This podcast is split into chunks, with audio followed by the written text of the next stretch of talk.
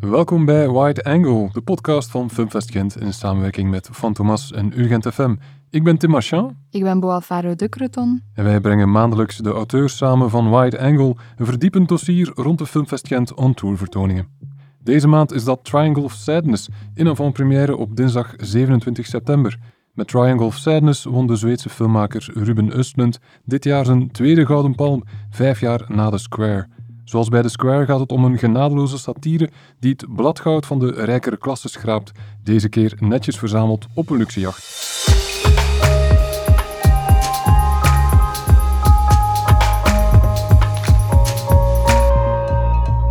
Verzameld hier bij ons aan tafel, al dan niet met fronsrimpels tussen hun wenkbrauwen, verwelkomen we de auteurs van twee essays rond Triangle of Sadness. Alexander, doctoraal onderzoeker aan de Universiteit Gent in het eh, Center for Cinema and Media Studies. Bjorn, kernredacteur van Fantomas. Voor mensen die niet vertrouwd zijn met het werk van Ruben Östlund, hoe kunnen we hem gaan voorstellen? Is het een enfant terrible? Is het een rebel with a cause? Zo zou ik hem zelf niet beschrijven. Ik zie hem meer als een soort antropologische filmmaker die doorheen fictie het gedrag van de mensen wil gaan onderzoeken. Eigenlijk in al zijn films zie je heel duidelijk dat hij een heel afgebakende ruimte schetst met eigen regels en eigen conventies. En daarbinnen dan eigenlijk gaat analyseren hoe een sociaal systeem ontstaat tussen mensen met bepaalde gedragscodes, bepaalde rolverwachtingen. En de personages die hij aanbrengt zijn eigenlijk altijd personages die het moeilijk hebben om zich volgens die rolverwachtingen te gaan gedragen. En daar komen dan altijd situaties uit waarbij ze zich schamen voor wie ze zijn of schamen voor het feit dat ze niet kunnen voldoen aan die verwachtingen. Je hebt hem nu eigenlijk heel braaf voorgesteld. Kunnen we ook voor een uh, stoute beschrijving gaan? Ik weet niet, Bjorn, durf jij aan iets te wagen? Ik durf mij misschien wel wagen aan de opmerking dat hij een beetje onterecht twee gouden palms heeft gewonnen en dat de manier waarop hij aan antropologie doet, een beetje oneer doet aan antropologie of aan het bestuderen van, van de mens in een, in een systeem. Dat doet hij inderdaad. Maar er mag wel wat meer gebeuren in zijn films. Zowel esthetisch als inhoudelijk denk ik dat er wel wat opmerkingen te maken zijn. Maar daar kunnen we misschien zo meteen nog iets dieper op, uh, op ingaan. En voor de durvals, waar begin je best bij Östlund? De durvals, voor mij mogen bij Play beginnen. Uh, mm -hmm. Het is een heel gevaarlijke film in zeker opzicht om te maken met zijn identiteit. Het gaat over uh, de stad Göteborg vanuit het perspectief van kinderen. En hij brengt daar eigenlijk het verhaal van drie witte kinderen, geprivilegeerde kinderen uit middenklasse gezinnen, wiens gsm's en andere waardevolle spullen gestolen worden door vijf uh, Zweeds-Somalische diasporische jongeren die, die iets ouder zijn. En hij speelt daar heel hard met de beeldtaal die er bestaat binnen surveillancecamera's, dus bewakingscamera's in bussen, aan bushokjes, aan, in winkelcentra. En we kijken eigenlijk naar dat verhaal vanuit die lens. En op die manier doet hij ons daarin reflecteren over de manier waarop wij kijken naar dat soort mensen, maar ook hoe die blik het gedrag van die mensen mee kan gaan mediëren. En hoe daar ja, een soort van geïnternaliseerde verwachtingen kunnen in, in groeien. En ik vind dat meteen ook misschien wel zijn interessantste film. Hij is ook vormelijk in die film het strengst voor zichzelf. Je ziet heel duidelijk in zijn kortfilms als student dat hij er echt voor kiest om heel statische shots te nemen, tableaus. En ook in Play zijn het denk ik 42 shots die allemaal ongeveer vier minuten duren, waarbij hij eigenlijk echt een soort van ja, live schilderij geeft waarin zich situaties voltrekken. En die vorm draagt daar ook enorm bij aan de beeldtaal. In zijn latere uiveren is hij dat steeds minder gaan toepassen, waardoor het misschien wat braver wordt, waardoor we misschien ook een beetje kunnen terugkeren naar de opmerking van Bjorn over het feit dat hij vorm wel wat meer mag inzetten om zijn antropologische studie echt te gaan gebruiken. Maar ik vind in de film Play dat hij dat absoluut wel doet. Ja, daar volg ik wel helemaal in. Ik denk dat, dat Play inderdaad het beste voorbeeld is om hem het predicaat van gevaarlijke cineast misschien te kunnen geven. En dat hij net die beschrijving als gevaarlijke cineast nu wel de laatste jaren, uh, wat mij betreft, veel minder uh, toepasselijk is voor, voor hem. Um, je zou zelfs kunnen zeggen dat hij zich een beetje heeft genesteld in, in, een, bepaalde, in een bepaalde positie. Uh, in het, laten we maar zeggen, in het, in het filmwereldje. in connectie met festivals, bijvoorbeeld. Maar ook vooral, en dat is wat mij dan wel meer boeit, uh, op de manier waarop hij films maakt. Hij heeft zich zowel in zijn verhaal, narratief, als visueel in zijn um, mise en scène, uh, maakt het zich wat, wat gemakkelijk. En dat staat verrassend genoeg eigenlijk haaks op zijn, op zijn thema's, op zijn onderwerpen, op de manier uh, waarop hij wel films lijkt te willen maken. Dus er zit zeker een, een interessante spanning uh, in, zijn, in zijn werk volgens mij. Wat ja, interessant is, niet altijd uh, boeiend misschien, of laat, laat staan dat we daar dan als een blok voor vallen, of laat ik daar als een blok voor val. Maar er zit zeker een interessante spanning in tussen de, de boodschap die hij wil overdragen, een beetje ostentatief volgens mij, en de manier waarop hij dat uh, uitdrukt, op het scherm brengt. En dat lijkt mij nog altijd wel een, eh, een belangrijke aspect van, van filmmaken, hoe het er namelijk op dat scherm uitziet.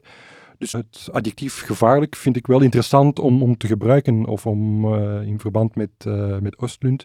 En dan vooral ja, af te wegen van, ja, is hij nu inderdaad gevaarlijk en is het niet een, een opvoeren van een gevaarlijk spel waarbij hij zelf dan wel in een heel um, luxueuze positie zich manoeuvreert, zich, zich nestelt.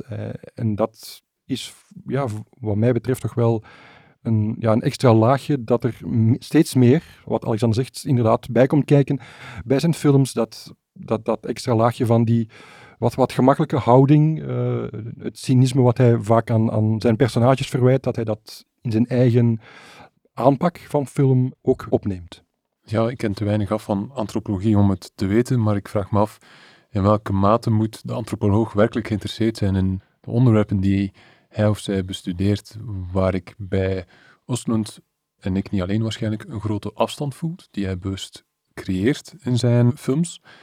En om nog even terug te keren naar het idee van die beveiligingscamera in Play, kan je zeggen dat dat idee van die straffende blik, want een camera, een beveiligingscamera is er niet zozeer om te beveiligen, maar vooral ook om mensen te kunnen pakken en te kunnen straffen, dat dat nog altijd zijn films dicteert, in relatie ook tot hoe hij zich opstelt als antropoloog, met een straffende blik naar zijn onderwerpen? Nee, ik denk dat hij net steeds meer empathie voor zijn personages weet op te wekken. Hij plaatst de camera steeds dichter, hij beweegt de camera steeds meer, hij geeft steeds meer reactieshots van mensen in de ruimte. Dus die afstandelijke blik, die verdwijnt er wel een beetje uit in zijn uiveren en het gaat steeds meer over de emoties van mensen, over de relaties tussen mensen, eerder dan net ja, die, wat we beschrijven als antropologische blik, van op een afstand gaan kijken naar de gedragingen van mensen. Om een voorbeeld te geven, in zijn eerdere werken en in zijn kortfilms onthoofdt hij heel vaak zijn personages omdat hij meer geïnteresseerd is in hoe gebruiken die personages hun lichaam, hoe verhouden zij zich tot hun ruimte. En hij analyseert meer hoe de handen en voeten van personages bewegen om iets te gaan zeggen over hoe die personages zich voelen. Dat is iets dat hij nu sinds Force Majeure, en dan zeker in The Square en dan zeker nu in Triangle of Sadness, niet meer zal doen. Um, hij conformeert zich veel meer aan een, een traditionele normatieve beeldtaal waarmee je een groter publiek kan bereiken en waarmee je misschien ook wel prijzen en kan, kan winnen, eerder dan met die strenge vormelijke taal die hij in het begin voor zichzelf aan het construeren was. In dat opzicht is het misschien een beetje jammer dat hij daar wat van afstapt. Tegelijkertijd maakt het zijn films misschien voor veel mensen net iets herkenbaarder en zorgt het ervoor dat hij zijn boodschappen naar een iets breder publiek kan, kan meegeven.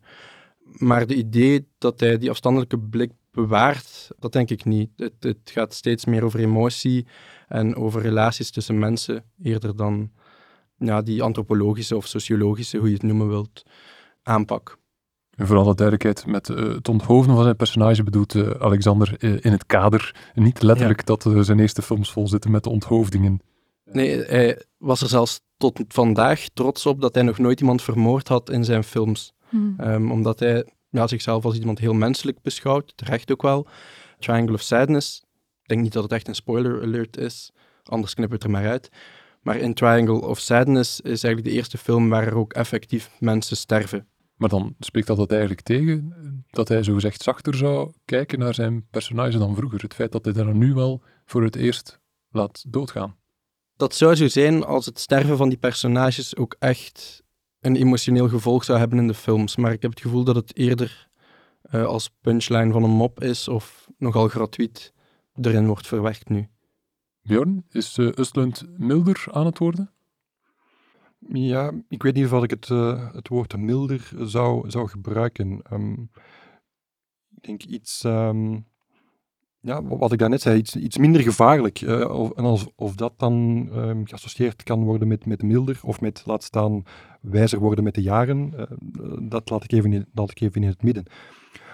Maar wat ik mij net nog wel bedacht is, de, en enigszins twijfel bij heb, is er zijn twee zaken eigenlijk. De, ik wil absoluut niet uh, een soort van antropologische blik op een, op een piedestal zetten. Uh, er is ook ontzettend veel kritiek en terechte kritiek op een antropologische blik.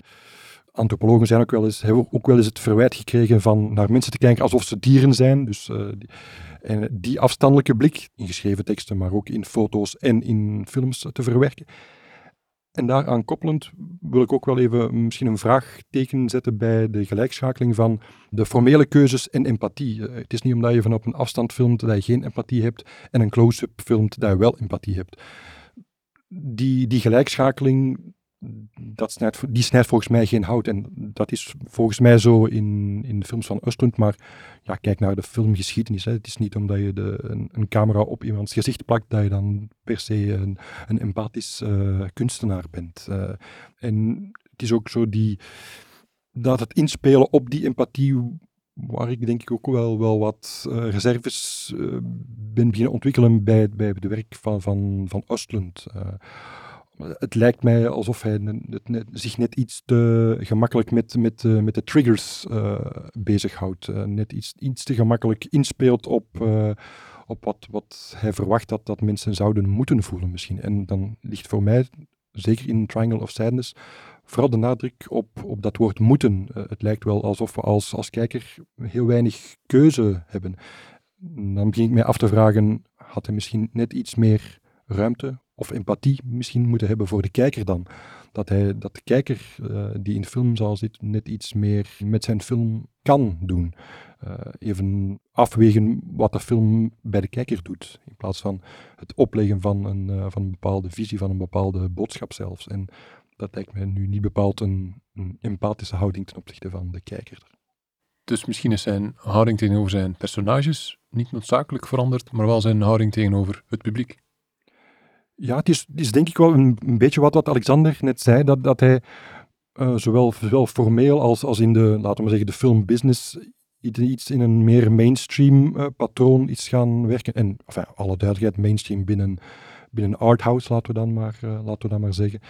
Dus ik denk absoluut dat, dat, dat daar een, een punt in, in zit, in die, in die opmerking in de evolutie van zijn, van zijn loopbaan.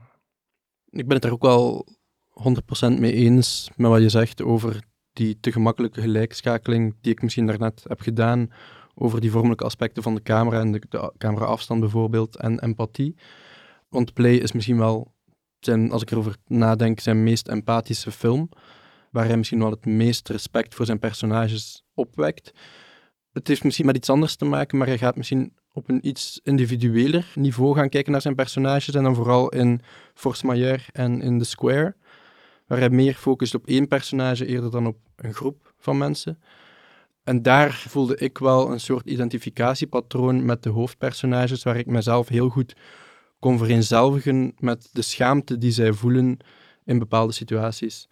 En vandaar dat ik misschien naar empathie ben gegaan, maar het gaat misschien meer over identificatie en op een individueel niveau eerder dan het interessant gaan vinden hoe groepen mensen zich tegenover elkaar en tegenover hun ruimtes En dat heeft volgens mij ook wel een, een formele kant. Namelijk, ik denk de, de mise en scène van, van een film als Play is veel interessanter dan, dan wat Uswend nu doet. En het is net omdat die mise en scène bij bijvoorbeeld een, een Play veel strakker, veel rigider is, veel meer inspeelt op de, de interacties tussen mensen, dat je daar ook een plek in vindt. En, en dat heeft hij grotendeels al achtergelaten in The Square en zeker, denk ik, nu in Triangle of Sadness dat die, die mise en scène of dat spel dat, dat tussen de personages speelt, uh, wat dan eigenlijk een, een, portret is van een, van, van, van een kleine gemeenschap, uh, wat dan ja, metaforisch voor de grotere gemeenschap uh, mogen we dan aannemen, dat dat spel op een formele manier veel minder gespeeld wordt en dat, daar als, of, dat ik daar als filmkijker veel minder in betrokken word. En ja, dan zou je dan inderdaad het woord identificeren voor kunnen gebruiken, dat je daar ja, veel minder je eigen blik mee, mee kan in de schaal werpen ook. En het beste voorbeeld daarvan zijn misschien wel zijn kortfilms. Incident by a Bank is een kortfilm, ook in één shot, waarbij ook weer opnieuw vanuit een bewakingscamera wordt gekeken naar hoe mensen in de straten van Göteborg, omstanders, eigenlijk verstenen bij de aanblik van een bankoverval. Dus op straat zijn er bankovervallers die met een brommer toekomen, met een geweer, die de bank binnengaan. En je ziet hoe de mensen totaal verstenen en in de onmogelijkheid worden geworpen om te handelen, om de politie te bellen. En eigenlijk enkel maar denken aan hun eigen overleving of zelfs aan het filmen van de situatie eerder dan de politie dan te gaan bellen. Zijn andere kortfilm, Biographical Scene Number 66882, gaat over een man die van een brug moet springen in een rivier, als een soort weddenschap met zijn vrienden. Op dat moment komt er iemand toe die zegt, vorig jaar of twee jaar geleden is er hier iemand op die exacte manier overleden, dus doe het niet.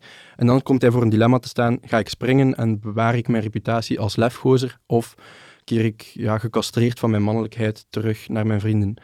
Nu, het interessante aan beide kortfilms is dat hij de camera altijd heel ver houdt, maar dat je toch als persoon je heel goed kan inbeelden hoe het moet zijn voor die personages, welke gevoelens zij precies hebben, zonder dat er ja, enige identificatie eigenlijk mogelijk is, zonder dat er een backstory aan die personages. Het zijn heel anonieme personages waar je toch heel veel ja, empathie misschien toch wel kan voor opwekken. Dus met wat je gezegd hebt, moet ik eigenlijk op mijn eh, stappen terugkeren. eh. Het doet mij ook een beetje voorzichtig omgaan met een begrip zoals identificeren. eh, namelijk de vraag in welke mate is dat nodig om een film te laten werken. Want hier zitten bijvoorbeeld aan boord van dat schip heel wat mensen waar wij allemaal ons moeilijk kunnen mee identificeren, neem ik aan.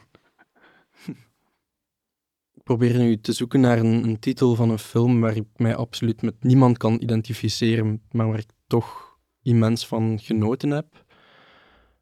Ga ik denk dan misschien aan films van Buñuel of van Jacques Tati, die ook films zijn waar Oostlund heel erg van houdt. Eh, in zijn DVD-picks op YouTube kiest hij die regisseurs er ook eh, uit. Dus nee, ik denk niet dat dat, dat, absoluut nodig is. Eh, ik denk wel dat het cinema veel emotioneler kan maken. En ik denk dat er heel veel mensen zijn die op een heel emotionele manier naar film kijken, die dat wel nodig hebben. Maar het is waar dat een, een afstandelijke, meer intellectuele, conceptuele cinema ook heel hard tot verbeelding kan spreken. Ja, ik denk dat, eh ja, dat Oostlund daar een weg in zoekt, maar de weg die hij heeft ingeslagen lijkt mij een straatje zonder eind eigenlijk. Nu dat je het over empathie hebt, wil ik nog eventjes terugkeren naar wat hij zei over Oostlund en de, en de empathie die hij eigenlijk moet koesteren ten opzichte van zijn publiek. Maar waren jullie daarmee bezig tijdens het bekijken van de film? Want ik betrap mij er wel op dat het een zeer verraderlijke film is in de zin van... Ik was zodanig gewoon mee aan het lachen en, en ik zat ook al in een volle zaal, dus ik heb het ook alleen gezien en is het eigenlijk een zeer treurig iets. Maar als je in een volle zaal zit, was ik er eigenlijk totaal niet mee bezig. En dat apprecieer ik wel aan Östlund, dat hij wel dat, dat collectieve van een kijkervaring wel echt kan gaan benaderen. Ik heb Triangle of Sadness ook gezien met een groepje mensen. En dat was inderdaad ook een hele fijne kijkervaring. En ik heb ja, eigenlijk de eerste paar uren na het bekijken van die film, is die film ook wel een beetje beginnen vervallen voor mij of zo. Ik ben een enorme fan eigenlijk van het uiveren van Oostlund. En ik was enorm fan van hem omwille van het feit dat hij personages opvoerde waar ik mij wel heel hard mee kon vereenzelvigen, ook al zijn het vaak anti-helden, maar waarvan ik wel heel goed begreep hoe ze zich voelden, in welke situaties ze verzeild raken en welke motivaties daarachter schuilen. Dat haalt hij er nu een beetje van af en dat is oké. En dat maakt dat het nog altijd een hele leuke film is die een publiek toestaat om te bulderen van het lachen. Maar hij heeft wel net dat element weggehaald dat hem voor mij een zeer interessante filmmaker maakte. Want jij trekt je tekst op, je bijdrage aan eh Wide Angle rond de schaamte. Mhm. Maar je kan inderdaad afvragen dan hier, kunnen we nog schaamte voelen als de personages het zelf niet meer voelen, het zelf schaamteloos eh, lijken eh, te leven. Maar als we nu gewoon even denken aan de scène van het geld, als we het geld bespreken, ik denk dat er daar toch wel nog schaamte aanwezig is.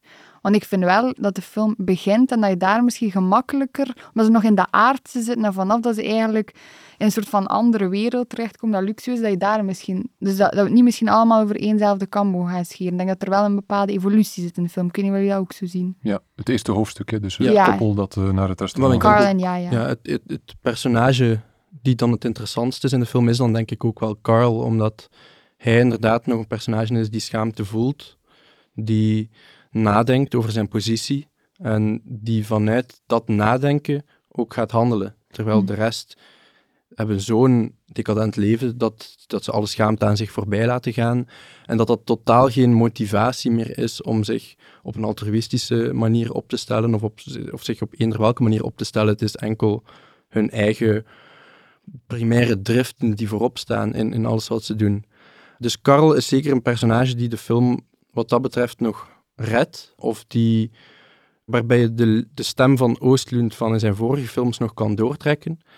Maar er zitten wel veel minder scènes die naar die specificiteit van dat gevoel van een mens die zich schaamt en die van daaruit handelt omdat hij geen gezichtsverlies wil lijden. Eh, dat zit er dan wel minder in. Van die specifieke scène is ook geweten dat dat eigenlijk echt uit het leven van Östlund zelf komt. Dus misschien is hier ook wel de vraag hoe dichter dat hij bij zichzelf blijft, hoe dichter dat hij ook bij zijn cinefiel publiek blijft. Wat denken jullie? Ondertussen heeft hij in Cannes misschien wel al figuren tegengekomen zoals die op eh luxejacht, denk ik. hoe dichter hij bij zichzelf blijft of, Of- bij de realiteit Mhm. ehm, die hij ervaren heeft of die hij ergens gevonden heeft. Bijvoorbeeld het eerste deel van de film, als ik het er een beetje kan uit afleiden, is het deel dat we het beste vinden. Dat is het deel waarbij hij kijkt naar de fashion industry. Zijn vrouw is een fashion photographer, hij kent die wereld heel goed, heeft daar een, een inzicht op gekregen, is met mensen gaan praten. En daar weet hij eigenlijk heel specifieke scènes voor op te zetten die heel typisch zijn aan die wereld. Om een ander voorbeeld te geven, de, de scène waarin hij het geld tussen de liftschacht steekt. Daarvan vertelt hij ook dat hij dat letterlijk nog heeft gedaan in een discussie met zijn vrouw. Ik weet niet of jullie weten wat de laatste scène van Force Majeure is. Dat is de scène waarin de bus naar beneden rijdt en, en ze met hun gezin eigenlijk zich naar beneden laten brengen om naar de luchthaven te gaan. Maar door een buschauffeur die heel onbekwaam is, die in elke bocht eigenlijk het leven van zijn passagiers riskeert, dat komt letterlijk vanuit een YouTube-video. Er is een YouTube-filmpje getiteld Spanish Bus Driver Almost Kills Students. Ehm, als je dat na die film bekijkt, dat is één op één op elkaar te leggen. Eh, het panoramische scherm van zo'n bus die naar de afgrond kijkt, het publiek die begint te panikeren, bepaalde zinnetjes die daar worden gezegd door die Engelse of Britse studenten, komen letterlijk terug in de film. Dus dat zijn wel allemaal zaken die uit het leven gegrepen zijn. En ook in zijn eerder werk deed hij dat. Zijn moeder was een leerkracht. In Involuntary zitten er scènes van een leerkracht. Dus die uit het leven gegrepenheid, dat zit altijd in zijn films. En dat zijn ook de scènes die hij het sterkst weet te ontwikkelen. En waarin hij, vind ik, het medium van cinema ook wel heel goed of sterk of komisch weet in te zetten. Om, om dat te brengen en mensen mee te krijgen in dat verhaal of zo. Voor alle duidelijkheid, Spaanse buschauffeurs zijn meestal wel oké. dus dat we- Misschien moeten we toch nog even nadenken over waarom moeten mensen Triangle of Sadness gaan bekijken. Om een goede tijd te hebben. Ja, oké. Eh, dat, want dat is ook wel iets dat ik mezelf heb afgevraagd. Nu ben ik misschien met een licht teleurgesteld gevoel teruggekeerd van de film, maar dat heeft er heel veel mee te maken dat mijn verwachtingen immens hoog lagen. Eén, omwille van het feit dat ik een fan ben van Ruben Oostlund en zeker van zijn vroeger werk. Twee, omdat het gewoon een Palme d'Or heeft gewonnen, wat een bepaald kwaliteitslabel met zich meebrengt.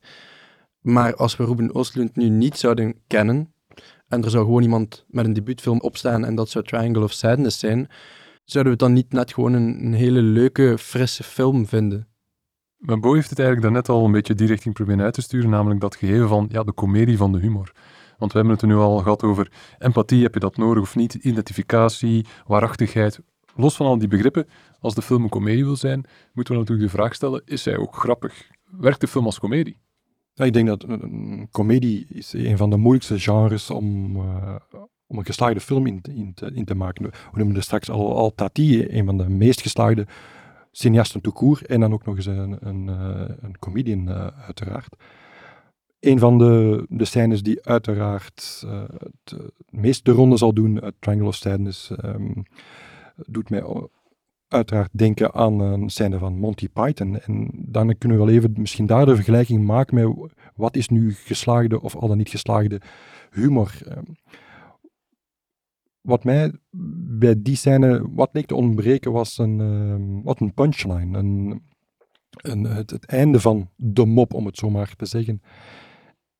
En ik miste de, het ene kleine zinnetje dat, dat, wat mij betreft, die vergelijkbare scène in Monty Python uh, zo geweldig maakt. En dat is Mincer dus dat soort van, van, van punchline, het, het ondergraven eigenlijk van bijna van de eigen positie van, van, van de maker. Niet alleen het ondergraven van, van de positie van de, van de personages, maar van, van die hele situatie, van het bedenken van die situatie. Dat maakt voor mij meesterlijke humor. Wat dan die, die scène, uh, Monty Python uh, in het restaurant, uh, met het overgeven tot, tot, tot emmers en emmers vol, wat, wat dat is en dat is wat, wat ik nu eigenlijk uh, miste bij, bij, die, bij die scènes in, of die scène liever gezegd in, in Triangle of Sadness. Misschien kunnen we het hebben over een aantal van de namen onder regisseurs die al gevallen zijn. Uh, Bjorn heeft er even dat die al bijgehaald. En de titel van Play zal ook wel niet toevallig zijn in dat opzicht. Maar Benuel is ook al heel even gevallen. In welke mate gaat die vergelijking op? En dan speelt humor wel degelijk ook een rol natuurlijk. Maar ik denk dat de discrete charme van de bourgeoisie niet zo discreet was in Triangle of Sadness. Um, dus wat dat betreft, hij refereert misschien een beetje naar Viridiana ook, uh, die tafelscène. Heel decadent allemaal. Maar het is zo over de top en je hebt heel hard door dat hij daar eigenlijk gewoon aan het lachen is en, en zichzelf en zich samen met de cast en crew aan het amuseren is door gewoon even de personages die hij als heel kwaadaardig en heel onmenselijk heeft opgesteld in het half uur daarvoor, gewoon even in hun hemd te zetten en misschien met heel simpele kakapipi-humor even uh, de das om te doen. Maar op zich is er niets mis met kakapipi-humor. Dat werkt op een heel directe manier. Ja, en ik denk dat, dat de zaal in Cannes daar ook het bewijs van is. Jullie waren erbij, denk ik. Mm. Um, ik heb er verhalen over gehoord dat mensen aan het juichen waren het is wel bijzonder dat een publiek zich bijna zo Amerikaans gaat gedragen in Cannes. Mhm. Maar is net, ik vind, ik vind niet erg kakapipi-humor, maar misschien vinden we het wel erg dat, dat die personages eigenlijk ondermijnd worden in de half uur ervoor, dat het eigenlijk iets gemakkelijk is om die dan gewoon in een hemd te gaan zetten, niet? Dat is toch... Het is iets gemakkelijker wat hij doet. Het en als we dan denken aan Buñuel, is dat iemand... Nee, absoluut niet. Ja, dus het is veel fijnzinniger mm en ik vind zijn eh, twee voorgaande films, The Square en Force Majeure, veel meer in lijn met wat Buñuel doet dan wat hij nu doet. En dan is Monty Python misschien een betere vergelijking, al kunnen we denk ik over Monty Python ook niet zeggen dat het niet fijnzinnig is. Want ik voel Bjorn al kijken naar mij. en ik keek. Eh, Bjorn, jij uh, haalt er een aantal andere regisseurs bij, uh, Gouden Palmwinnaars, Gouden Palm genomineerden, uh, Michael Haneke en Paolo Sorrentino. Sorrentino tot daaraan toe als het over humor gaat. Hanneke staat nu niet meteen bekend om de lachsalvo's in zijn films. Weinig dijnkletsers, dat moet ik ja, ja, ja. In welke mate gaan die vergelijkingen op? Of, eh, of hoe zie jij die vergelijking dan? Ja, ik denk dat uh, een belangrijke vergelijking daar straks al is gemaakt. Hè, met, uh, met de bewakingsbeelden die, uh, die Östlund al vroeger in zijn loopbaan al, al echt gebruikte, inzetten in zijn films. Ja, duidelijk is dat, dat, dat Haneke dat op eenzelfde, op een vergelijkbare, niet op eenzelfde manier, op een vergelijkbare manier ook heeft, heeft gedaan. Dus is inderdaad met Happy End dat er wel wat, wat parallellen zijn in de, in de weergave of in de, de personages die, hij, uh, die ze weergeven, allebei. En inderdaad, die, die afstand en het, kritisch benaderen.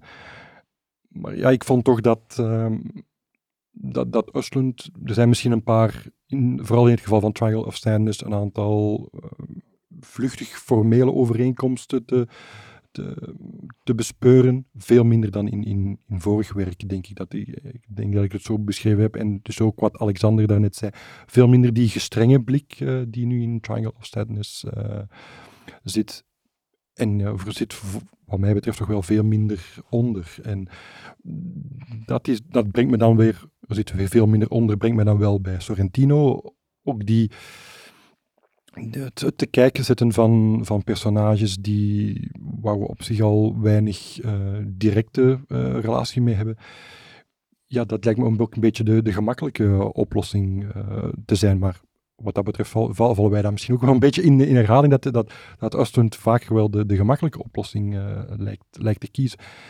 Maar mij was het dan ook wel wat te doen om een beetje een, een trend aan te geven van, van films die de laatste jaren proberen om die van wat van de realiteit losgezongen uh, bovenklasse uh, te portretteren en de moeilijkheden die we daar mee hebben. Het is wel een, een issue dat speelt in, in, in bredere maatschappelijke discussies vandaag de dag.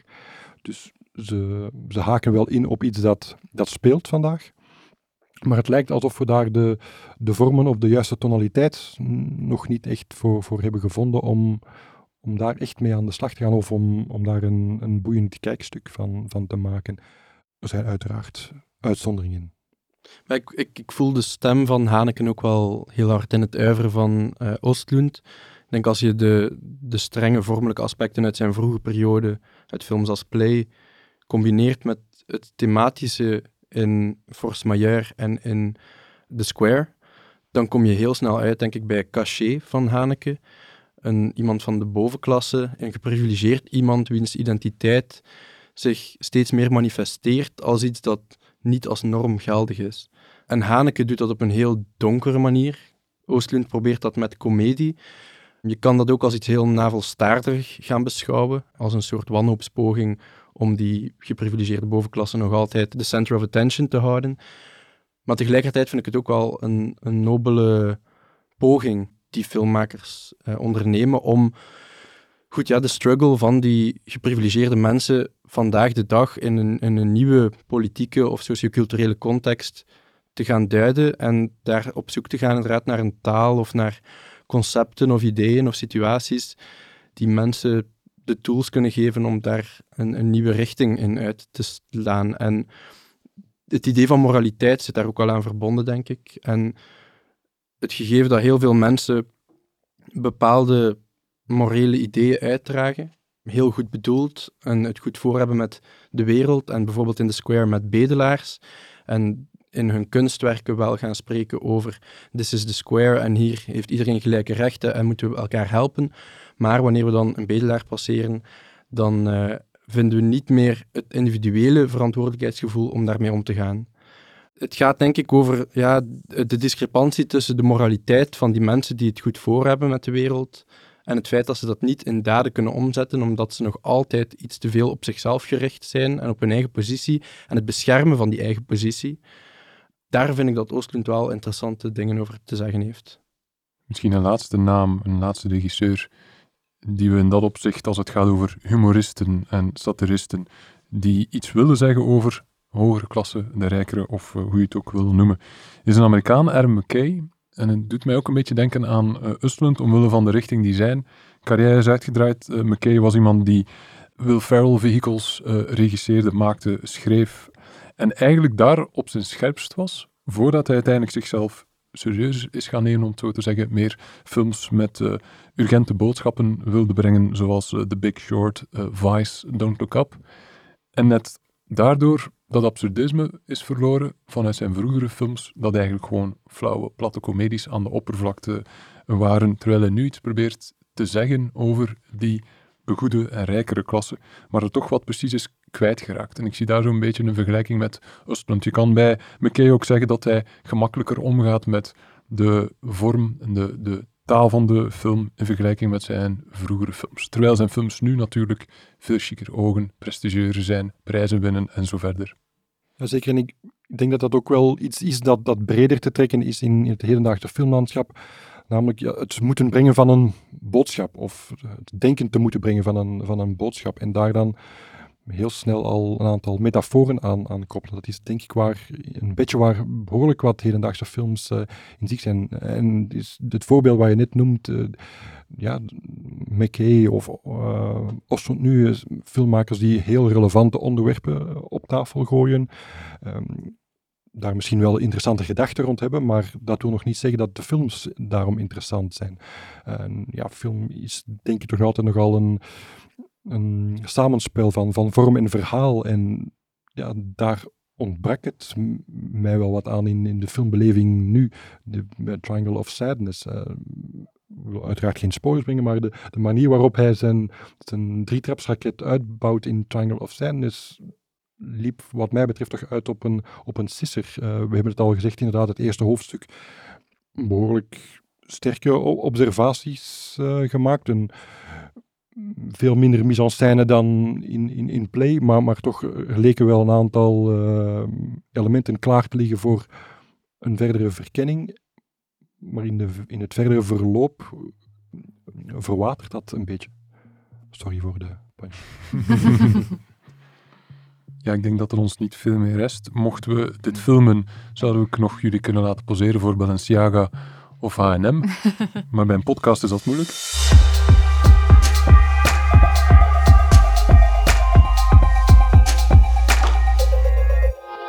Praten over films leidt altijd tot meer films. Als we tot een watchlist willen komen bij deze wide angle, welke films zouden jullie dan aanraden?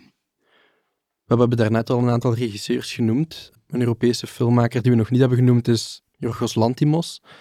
Eveneens ook iemand die films is beginnen maken in zijn eigen land en daar misschien wel zijn eerste en interessantste films heeft gemaakt, die ook opnieuw uitgaan van een soort strengere setting van regels voor de filmmaker zelf dan.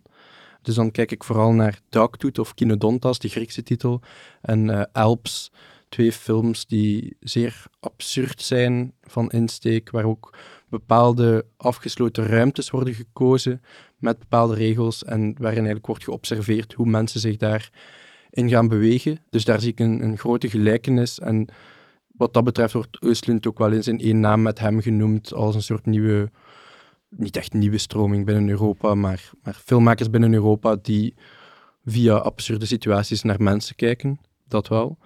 En om dan een tweede naam te noemen, Roy Anderson, daar heb ik zelf nog niets van gezien. Maar in het lezen over Oostlund heb ik daar een aantal referenties aan gezien en dan ben ik wat gaan opzoeken. En ik ben heel enthousiast om dat nu zelf te gaan uitpluizen. En ik ga beginnen bij You the Living. Ook films die heel fragmentarisch zijn. Dat hebben we nog niet benoemd over Oostlund, het fragmentarische aspect van zijn cinema. Waar hij ook met ja, vignettes gaat werken, met statische shots die lang aanhouden. Waarbij je een soort van levende schilderijen krijgt, waarin mensen zich op een bepaalde manier gedragen, die dan interessant moet zijn. Een eerste associatie die ik maakte na het bekijken van deze film ligt misschien een beetje voor de hand, namelijk een film die zich afspeelt op een cruiseschip en waar een en ander behoorlijk fout loopt. Dat is The Poseidon Adventure. Een film die denk ik ook wel een aantal uh, morele dilemma's op de plank legt, maar bovendien ook wel gewoon zorgt voor een behoorlijk fijne kijkervaring.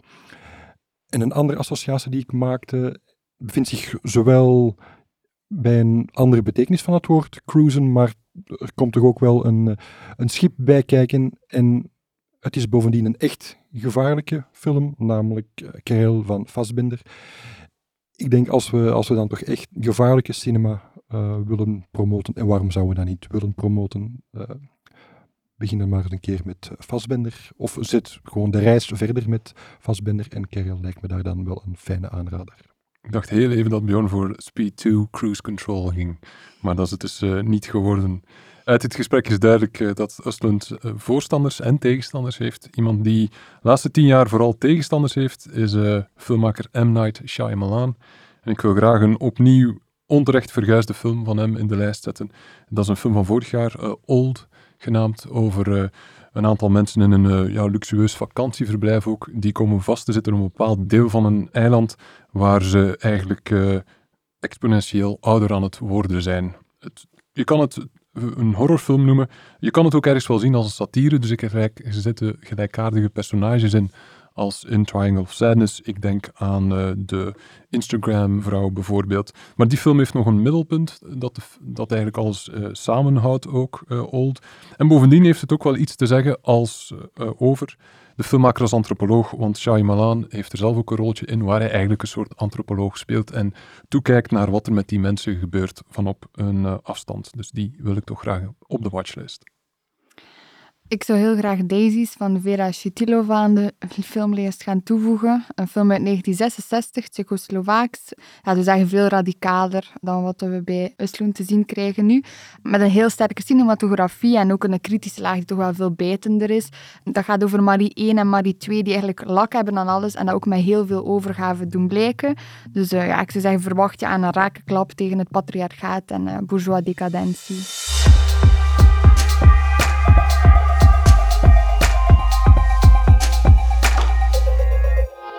Voor deze White Angle hebben we ook de filmmaker zelf kunnen spreken over zijn nieuwste werk. Dit via Zoom, want Östlund is momenteel druk bezig aan een première-tour die een bijzonder triestige wending nam toen het tragische nieuws bekend raakte dat hoofdrolspeelster Charlie. Dean onverwacht overleden is. Wat u nu zult horen is de Q&A die volgde op de vertoningen van Triangle of Sadness tijdens zijn traject als Filmfest Gent on Tourfilm. Het werd een Q&A die in het teken stond van de herinnering aan Charles B. Dean, maar ook schoonheid als valuta en de verraderlijke betovering van all-inclusive hotels. Vaar met ons mee op de woelige golven van Triangle of Sadness in dit gesprek met Ruben Östlund. Dear Mr. Östlund, first of all, thank you for uh, your time and for bringing us Triangle of Sadness. The audience has just watched your second Palme d'Or winning film. Anything you want to tell them in this crucial moment just after having finished watching the film? The screenings that have happened now quite close to uh, the passing by of Charles Bedin, uh, I have said that I wanted to dedicate uh, them to her. So I hope you paid attention to her to her performance. Um, and uh, yeah, I think Charlie was a really great person to work with. She she was lifting up the team, she was lifting up her colleagues, and so it's a tribute to her. I think that's a great idea, and that the Filmfest Ghent team also really wants to support that. If it's fine for you, let's uh, dive into the first question. After seeing the film, one can imagine that you must have had great fun when constructing the story. Is writing an act of joy or an act of torture for you? I love to get up with the ideas for a film, to work with uh, the different possibilities of a concept. So, what I do when I'm writing the script is actually that I love to pitch the film to as many people as I as I can and tell them about the, the concept and the setup. And uh, very often people are telling me interesting things that I can that I can steal and put into the film. Uh, and then when I when I get to the point where I actually can pit, pitch the film from the beginning to the end, then I'm ready to write it down. So I wait quite long before I start to write it down. I take notes, uh, of course, but then when I'm starting the writing process, then I always know where I'm going. Otherwise, I would think it's uh, quite hard to write. Mm-hmm. It's known that you like to sort of watch YouTube videos when you're writing your script, as you've done with Force Majeure, The Square. Are there any YouTube videos that you used for the Triangle of Sadness? Yes, there were two different that I can, two examples that I can bring up here at least. One of them is an experiment that uh, they were doing on monkeys. They had two monkeys in, in two cages, in two glass cages that are just next to each other.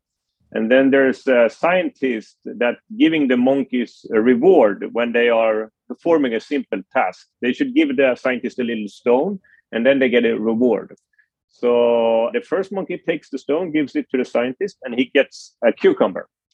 Then the next monkey takes the stone and gives it to the scientist, and he gets a grape.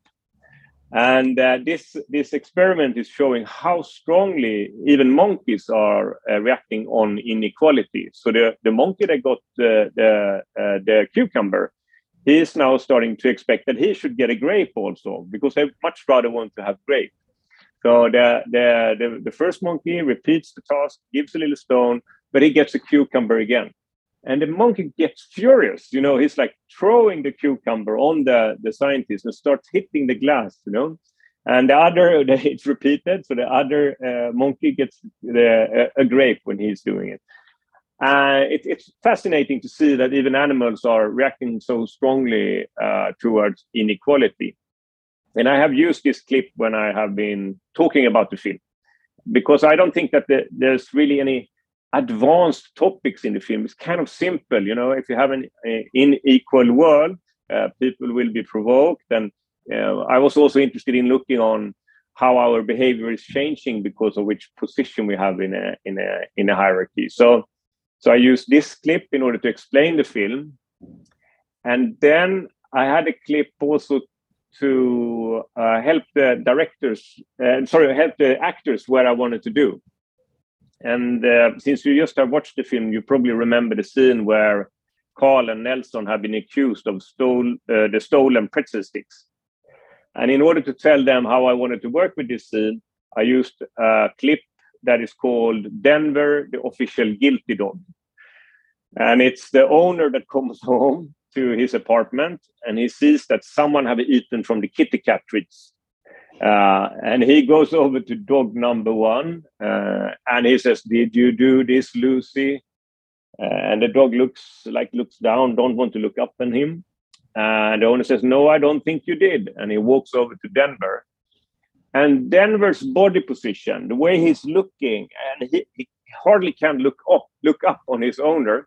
Uh, but when he finally does, the the, the expression of of uh, of the face is just amazing.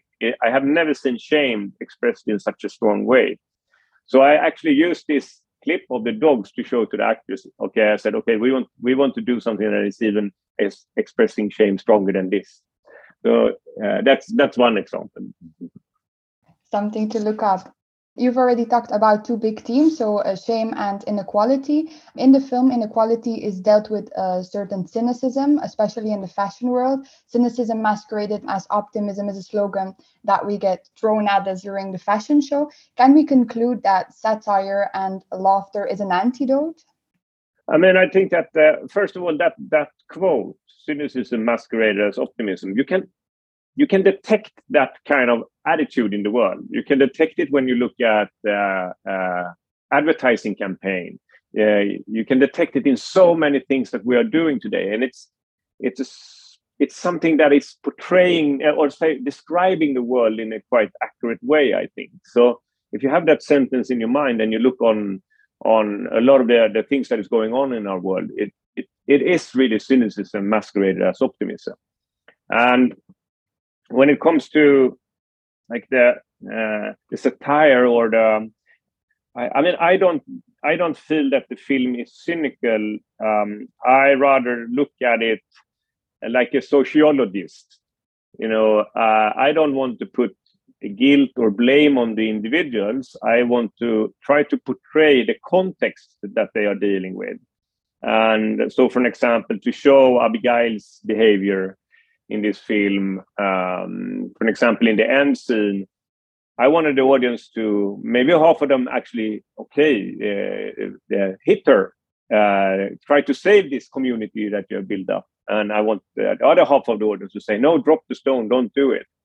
So, but I want all of the audience to identify with the possibility to maybe hit the stone.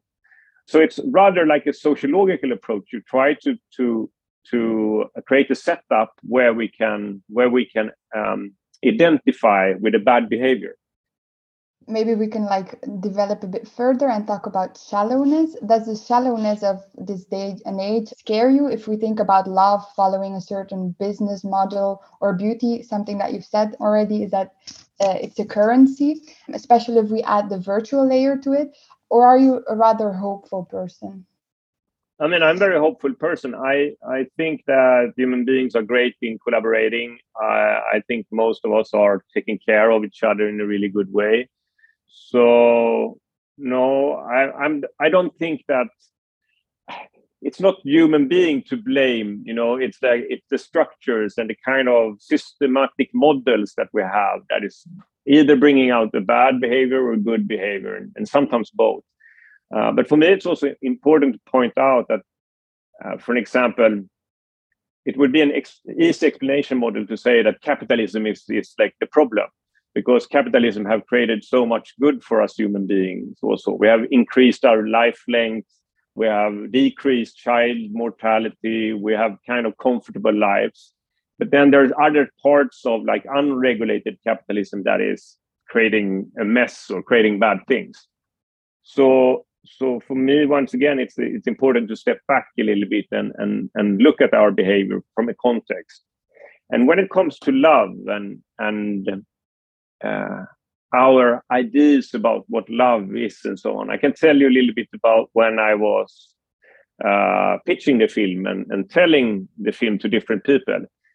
And when I told older people that, yeah, the main character are Carl and Yaya, and uh, they are a branded couple. You know, it's an exchange of uh, uh, currencies, uh, so it's a win-win situation. It's it's uh, good for business, and they like each other. And uh, when I when I say this to an old generation, like people that is born in the seventies, like I am, then like, oh, how horrible! But what about love? And then when I pitch, when I was pitching the film for younger people, and I say, yeah, and they are branded couple, they go like, ah, yeah, okay, they didn't put any like uh, evaluation in it. Um, so I don't know if it's the young generation that are cynical, which I don't believe, or if it's the old generation that is naive. Because I think there's uh, always a transaction in even in a couple relationship. And and for an example, you can look at the fact of it's very seldom that we are uh, creating a couple that is crossing class boundaries. So uh, uh, it, we, we have some kind of economical sense in the back of our mind when we are choosing our partner. Um, but in, in Triangle Sadness, I, of course, was also interested in that beauty and sexuality can become a currency that can make us travel in class society. For an example, the female models, when I was doing research, they said, like, okay, the career is short, but I can always become a trophy wife and then I can get out of this business and maintain this lifestyle. And uh, so, even if they have a dark humor and, and, and even if they have a self distance when they say that, I think it's they're also telling the truth in some ways. I hope that there's still some romantics out there in the younger generations. Otherwise, it's a bit sad. Maybe the romantic thing happens when you have done a great business deal together and you can relax. And now, now let's do it. but still, maybe we can talk a bit about how you direct your actors and what the scene was that you struggled most with when shooting it what I do is my directing starts actually already when I'm doing the casting because I like to be a part of the casting process and I like to improvise around the scenes together with actors. Uh, for example, with Carl and Yaya, sometimes I was playing Yaya and, uh, and and then I tried out the male actor and we we did improvisations around the bill scene. It's a very efficient scene to do improvisations around and uh, and then I asked them okay, relate to this situation uh, as a man or as a woman or like uh, as the the gender expectations that we all know that we have. And uh, I ask them also to never do anything that they feel doesn't feel true. So if it says some, if I ask them to do something and they say no, I can't do that, I love that because then you can change the setup so it becomes possible for them to do it. And the same thing when I'm on set. We are, we are. I, I put up the camera. Uh, we have the script. Uh, we have all the dialogue.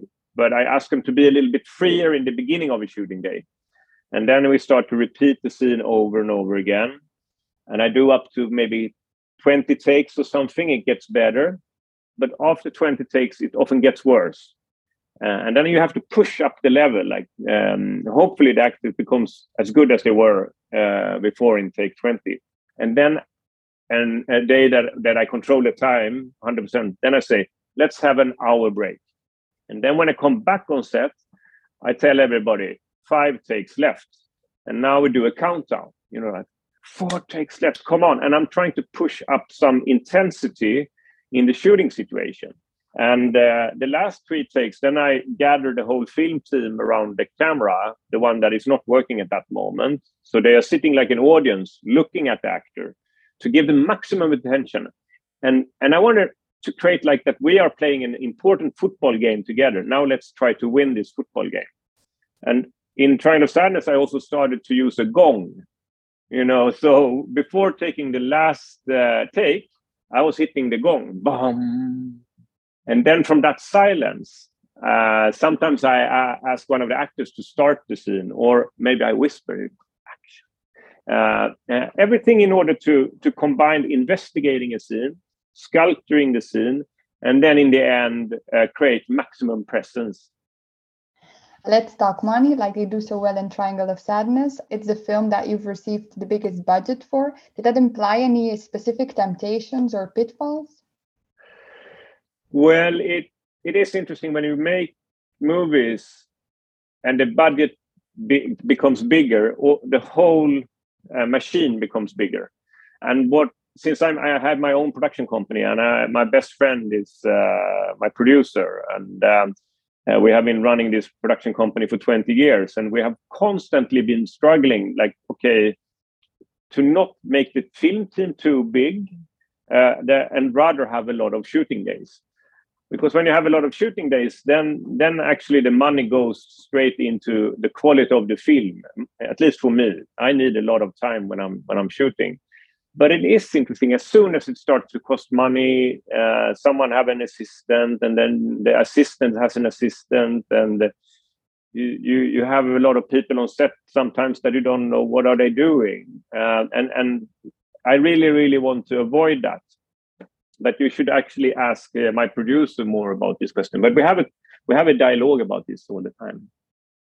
I've heard that you've already started working on the next project. Can you talk a bit about that?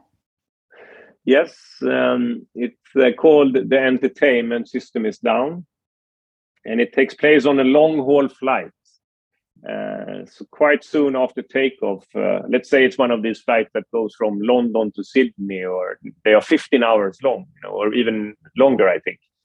Uh, and quite soon after takeoff, uh, the crew comes with a horrible announcement that there will be no entertainment on the screens. The screens are not working, and slowly, I mean, the iPads and everything is charging out. So uh, it's going to be at least 10 hours of modern human beings trying to deal with the with the situation where we don't we can't distract ourselves uh, while, looking at the screens. And um, i'm interested in it in in quite many different ways. You know there was a, a book called the brave new world. And the brave new world is about uh, uh, that we are controlled by small entertaining machines that we love. And this book is written in the 60s and uh, there was a literature professor that 1984 was comparing A Brave New World with 1984, the book 1984. And he just said, okay, we didn't end up in the totalitarian state that is controlling us uh, like in 1984. It's rather that we are now living in a brave new world. Uh, and this was 1984, he wrote this. So, I mean, and if you look at the world today, the kind of control this machine has over us and and artificial intelligence that is just providing us with images and and uh, it, it it is something that is um, to say a little scary because we also we, we love it. We love the machine. And and human being have always put a great trust to our taste. Like i yeah i know what's good for me you know? I, I know which movies that are great but I don't think it is like that really. I think that we basically love what is distributed to us. And I had a quite interesting example of that because I was on a, a all-inclusive trip to Egypt a couple of years ago. It was a horrible mistake to go there. Uh, and uh, uh, when you get into this area, you get a little band around your wrist, and then everything is for free. And there was an Italian restaurant, and there was a Mexican restaurant, and there was a Chinese restaurant and uh, uh, the, the problem was that everything tasted the same. So uh, I, I, have a little boy now that is 11 months and and you know uh, milk replacement uh, it, it, it, tasted like a milk replacement. It, it, didn't have any spice didn't have any edge. It was uh, um, yeah. And then you could choose from a red wine and a white wine. Like there was no no nuances at all. And in the beginning of the week, I, I thought it was completely awful. But slowly, as the week progresses, in the and in the end of the week, I find myself liking the food. Sometimes I go, mm, I mean, this tastes good. No, I want more. I want to get more food. You know, so so I I really think that the, the it, you can't really trust your taste.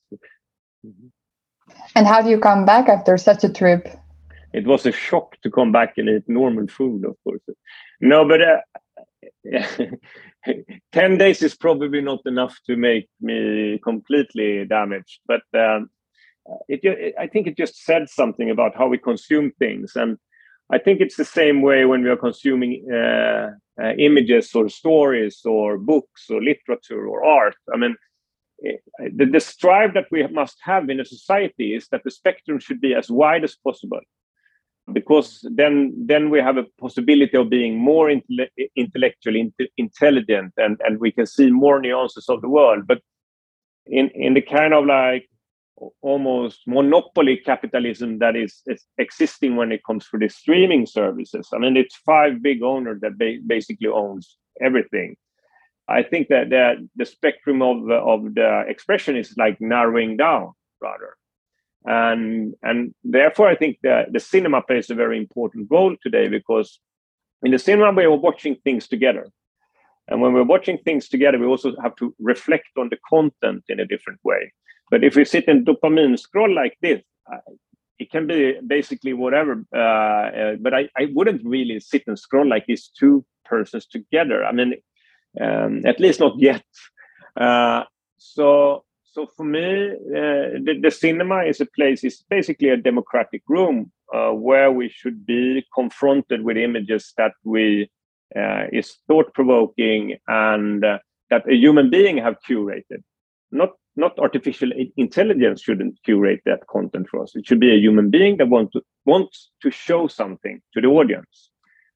And Triangle of Sadness is definitely a film that you should watch with as many people as possible, right?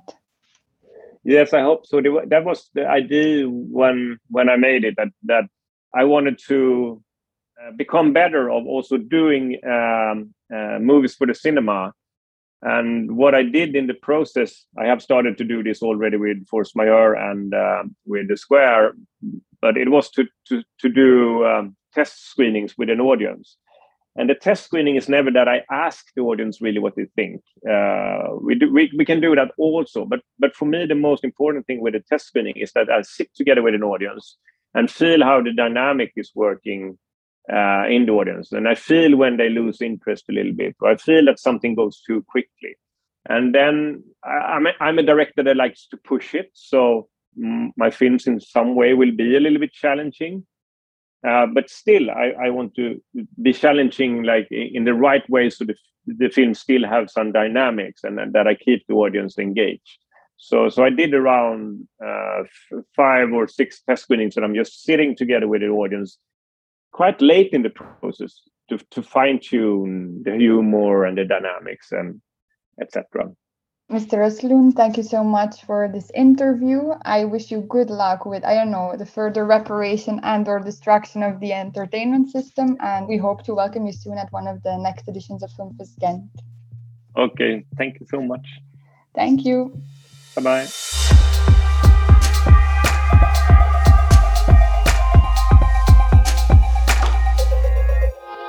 Terwijl wij al ontzettend hard uitkijken naar de 49e editie van Filmfest Gent, die al om de hoek loert, bereiden we ook onze volgende Wide Angle voor, die toegewijd zal zijn aan een parel van een film, Un beau matin van Mia Hansen-Love. Een regisseur die je misschien kent van Le Père de mes enfants, Un amour de jeunesse of Bergman Island, die vorig jaar nog te zien was tijdens het festival. In Un beau matin leeft Sandra, gespeeld door een immer geweldige Lea Seydoux, gesplitst tussen de zorg die ze voor haar dochter en haar zieke vader draagt. Geheel Onverwacht komt Clément, een oude vriend van haar, op haar pad, wat leidt tot een race aan mooie ochtenden, maar niet zonder strings attached. Met de vraag in ons achterhoofd of in tijden van overgave aan ontrouw het meest trouw zijn aan onszelf, vragen we aan jullie lieve luisteraars om ons jullie meest memorabele films of scènes gelinkt aan ontrouw toe te sturen. Dit door te reageren op de toegewijde Facebook- of Instagram-post. Deze Wide Angle zal je samen met de vorige kunnen beluisteren via filmfestival.be slash podcast. Even doorklikken brengt je ook bij alle besproken teksten van onze gasten van vandaag, Alexander de Man en Bjorn Gabriels. Tot slot willen Tim en ik nog de partners bedanken van deze Filmfest Gent podcast van Thomas, Filmscalpel en Urgent FM. Graag tot de volgende keer.